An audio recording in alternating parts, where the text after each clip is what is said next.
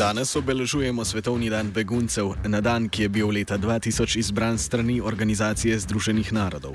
Zadnji teden se zato zvrščajo dogodki vladnih in nevladnih organizacij, ki manifestirajo splošno sprejeto vojno situacijo na Bližnem vzhodu, v Afriki in drugod po svetu.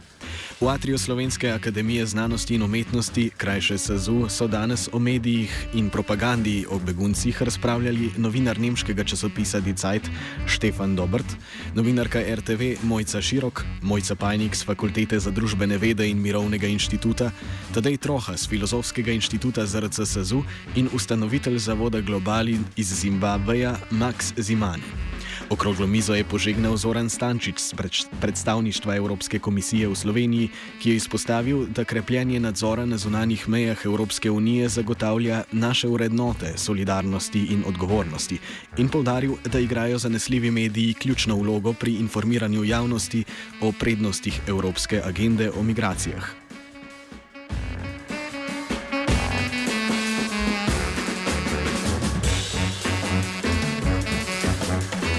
Govorci so na to podali poglede na težave, s katerimi se mediji soočajo pri poročanju o beguncih in podali nakaz analize diskurza političnih akterjev, ki se na to vestno reproducira skozi te iste medije.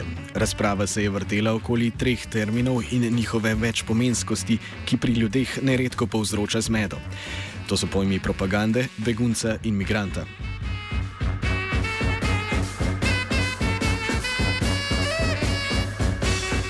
Slovenski zakon o mednarodni zaščiti status begunce prizna osebi, ki utemeljeno in verodostojno izkaže, da je v matični državi ogrožena zaradi pripadnosti določeni rasi ali etnični skupini, veroizpovedi, narodnosti, pripadnosti posebni družbeni skupini ali političnemu prepričanju.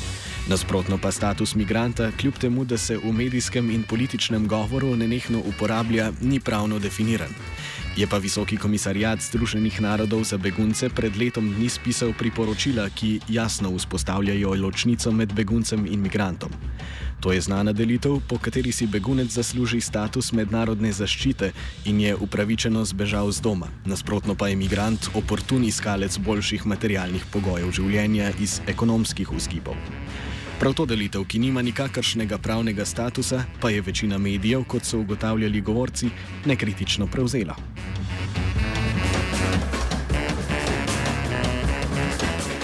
Mojca Pajnik je izpostavila nujo po iskanju politične logike za to opredelitvijo. Nekaj, če imigrant niti ni pravni, ne, imaš tujec je ta pravni termin. Ne. Skratka, hočem reči, da vse to izrazoslovje, ki ga mediji potem um, povzemajo, imajo težavo z njim, ima v bistvu neko um, neko logiko v, v pravnem in uh, političnem uh, frejmanju, okvirjanju te zgodbe. Ne. Skratka, um, mene, mene tudi ta, ne samo ta diskurzivni moment, ne, kaj delamo s temi termini, kako jih uporabljamo, ampak skratka, kaj jih v bistvu napolni, ne, kjera politična, um, bom rekla, in, in pravna usmeritev ne, je v zadju teh uh, označevalcev. Ne. In tukaj mislim, da je vloga medijev, da bi to pogledala. Ne? Skratka, ne, ne, da gre čez to reprodukcijo in uporabo vem, petih izrazov, ampak da se ustavi pri tem, ne? kaj pomeni. Kaj pomeni v bistvu begunec, kaj pomeni prosilec za azil, s čim je bil v bistvu zakonodajalec motiviran, ko je uvajal uh, te razlike. Tadej Troha je v sledenju liniji diskurza, ki deli in klasificira na begunce in migrante, šel še dlje. Opisal je pozicijo stranke Modernega centra, ki ima kot vladna stranka veliko moč pri postavljanju medijsko-politične agende. To je pozicija, ki reče pač, da nekateri begunci so migranti. Skratka, da je treba pri beguncih biti pozoren. Za nobenega begunca ne veš, ali ni mogoče migrant. Zato ne, v drugem koraku eh, te, te konstrukcije, te scheme se reče, bolj varna je v resnici ne, teza skrajne desnice. Skratka, da so vsi begunci migranti. S tem, da pri skrajni desnici pač ni več eh, nobenega, kako rekel, je vse samo preseg, begunec je migrant, Tukaj pa pač reče, ok, tudi skrajna desnica je lahko pod to pozicijo varna v resnici. Seveda pač glavna eh, uspeha ne bi bilo, če ne bi pod to isto schemo, ki ustreza tako skrajni desnici kot eh, desnemu centru, lahko eh, svoje zatočišče našel tudi, tudi levi center. Namreč nekateri migranti so begunci. Uh, tle se pa začne potem birokracija in se reče, no zdaj pa vi naredite to, damo vam postavko, integracijske zmožnosti naše so maks tisoč oseb, zdaj pa vi pač po nareku te scheme probite tole pač pozicije, to, tale pač krogec beguncev do minimuma zmanjšati. Vse skupaj izpade racionalno. Skratka, da tisti, ki sovražijo migrante, begunce, jim ni treba reči, mi jih sovražimo zaradi nekega afekta, zaradi, uh, ne vem, ker nam grejo na živce, ker se nam gnusijo, ker nas je strah mogoče, ampak zato, ker smo tako zračunali. Skratka, ker je to neka čist racionalen pač argument. In to je, mislim, da je najbolj nevarno, kar se tukaj lahko zgodi.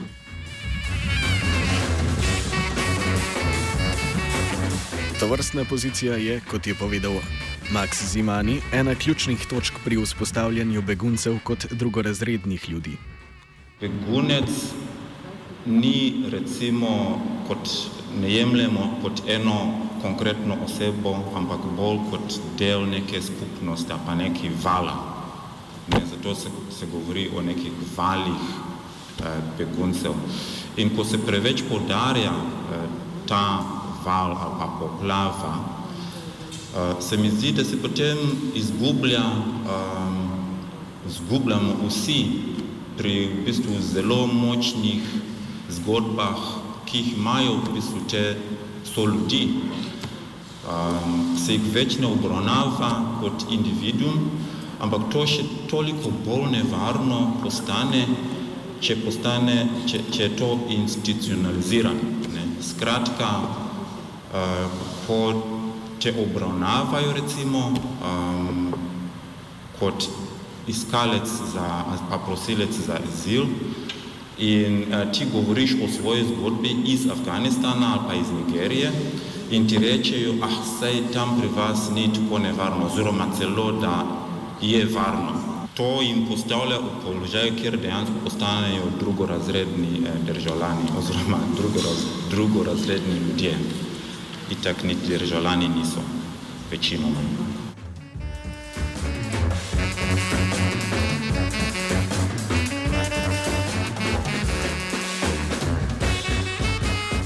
Zimani je nadalje trdil, da se o beguncih poroča zgolj dokler so tisti drugi, drugačni od nas, kar je osrednje pri slikanju podobe beguncev. Zdaj, ko se pogovarjamo o podobi beguncev v Sloveniji, jaz bi rekel, da mogoče se niti kaj dosti ne razlikujejo od podobe begunca na širšem okolju.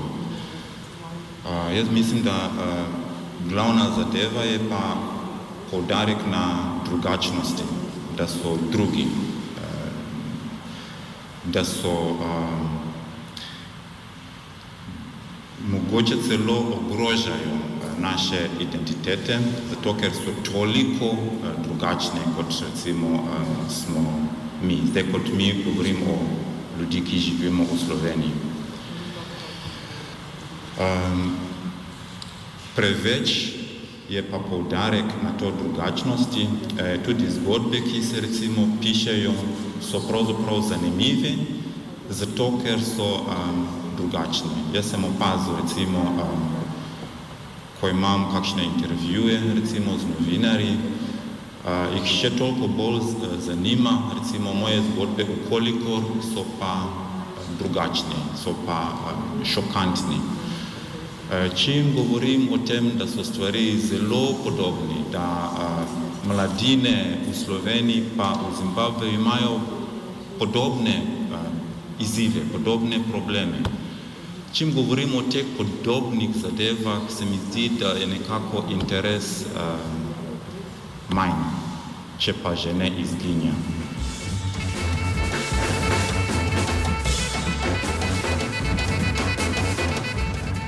Politični interesi z dolgo tradicijo pa so ob kratkem zgodovinskem spominu medijev še toliko močnejši. Ziman je spregovoril tudi o gospodarski logiki postkolonialnega kapitalizma, kjer novinari za vzroke begunstva pogosto uporabljajo eufemizme. Interese so povezane z mednarodnimi odnosi, recimo med eh, Evropsko unijo in posameznih afriških držav ali pa pač drugih držav.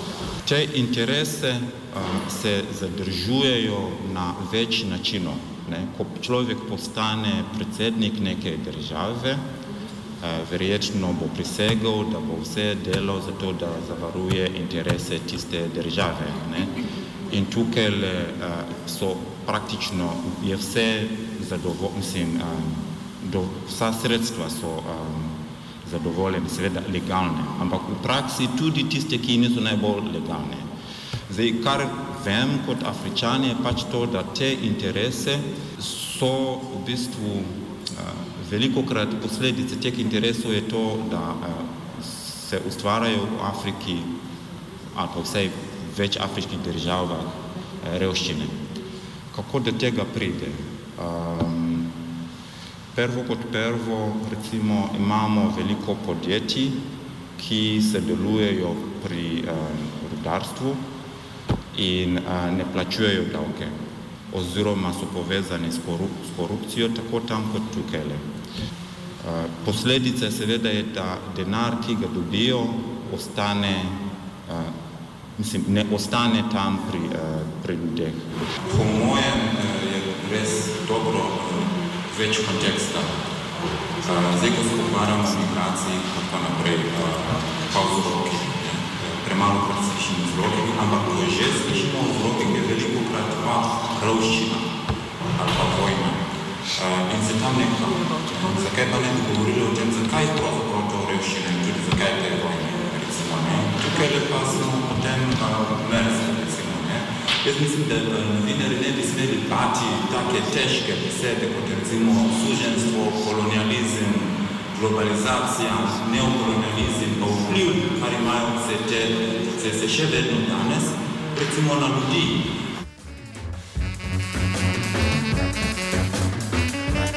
Kje torej nastopi trenutek propagande pri slikanju te begunske postkolonialne realnosti? Nemški novinar Štefan Dobrt propagando zazna z lahkoto. Z ruske strani seveda. Govoril je o ruskem začetku enormnega ulaganja v tako imenovane medije leta 2000, kot se je izrazil.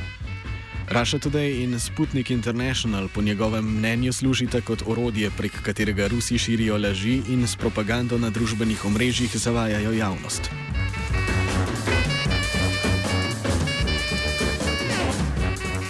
V nasprotju z Dobrtom pa se novinarka RTV Slovenija Mojca Širok pri praksi v državni instituciji, ki naj bi pri nas služila kot vzor drugim medijem, sooča z vrsto posrednih omejitev. Tudi zato ločnice med propagando in tako imenovanim resnim novinarstvom poročanjem ni postavila trdno. Mislim, jaz le teh distinkcij na, nek določen, na točno določen način za naravno črto in črnim flomastrom sploh ne bi vlekla. Ne. Jaz, kar se tiče poročanja, lahko rečem samo eno stvar. Tisto poročanje, ki ga lahko imenujete verodostojno ali kakršno koli, je eno samo in to je to, ki temelji na dejstvih. In ta dejstva mora tisti, ki je prejemnik tega poročila, dojeti na prvo žogo, ne o njih razmišljati čez 14 dni ali pa čez dve uri. Se pravi, pet ključnih vprašanj, kdo, kje, zakaj, koga. V, v tisti minuti, ki jo daš, tudi če govoriš o valih, o posameznikih. Ne, in jaz mislim, da tudi ne, kolega kot novinar se bo zavedal, da to ni enostavno. Ne. Mi dosti krat v bistvu kar pošrek obsojamo in medije, in poročevalce, in novinarje kot propagandiste. Ne. Ampak dejansko, ko imaš ti mašinerijo, 20-minutnega nekega news bloka, v katerega gre mogoče, ne vem, 15 kratkih prispevkov, minuto, minuto 30 in poročaš o neki tako obširni stvari, z nekimi tako zapletenimi vzroki, kot je recimo bil tam spet ta primer begunski val v Sloveniji leta 2015, ti dejansko ne moreš v resnici uh, vsega zaobjeti. Mojca Pajnik je pri tem urisala razloge na širši ravni, ki med drugim vodijo v novinarsko stisko, o kateri je govorila Mojca Širok. Medijska industrija vemo, da je danes ne v tej nehvaležni vlogi, da se dogaja na globalni ravni korporativizacija uh, medijev, da um, so mediji vse bolj, vključno z javnimi mediji, odvisni od, oglaševa, oglaševanja, ne, da so vse bolj odvisni od podatkov o gledanosti, rejtingov. Skratka, ne, da obstaja tukaj neko, rekel, neko makro okolje, ne, ki um, je zelo spremenilo tudi naravo medijskega ali pa novinarskega uh, dela. Lahko govorimo o neke, o neke obliki medijsko-političnega paralelizma, ne, kjer v bistvu, in, in s tem se, se mi zdi, v veliki meri danes tudi soočamo, ne, kjer medijska agenda praktično povzame dominantno prevladojočo politično, uh, politično agendo. Ne. Se mi zdi, da smo nekako z digitalizacijo družbe, ne, da se je uh, pospešilo, pospešil, pospešil ta trend menjave resnice za neko mnenje. Ne.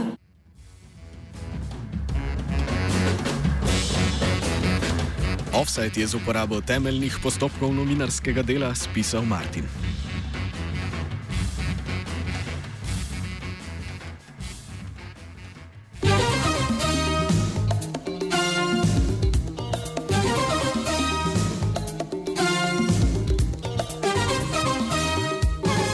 Radio Estudante.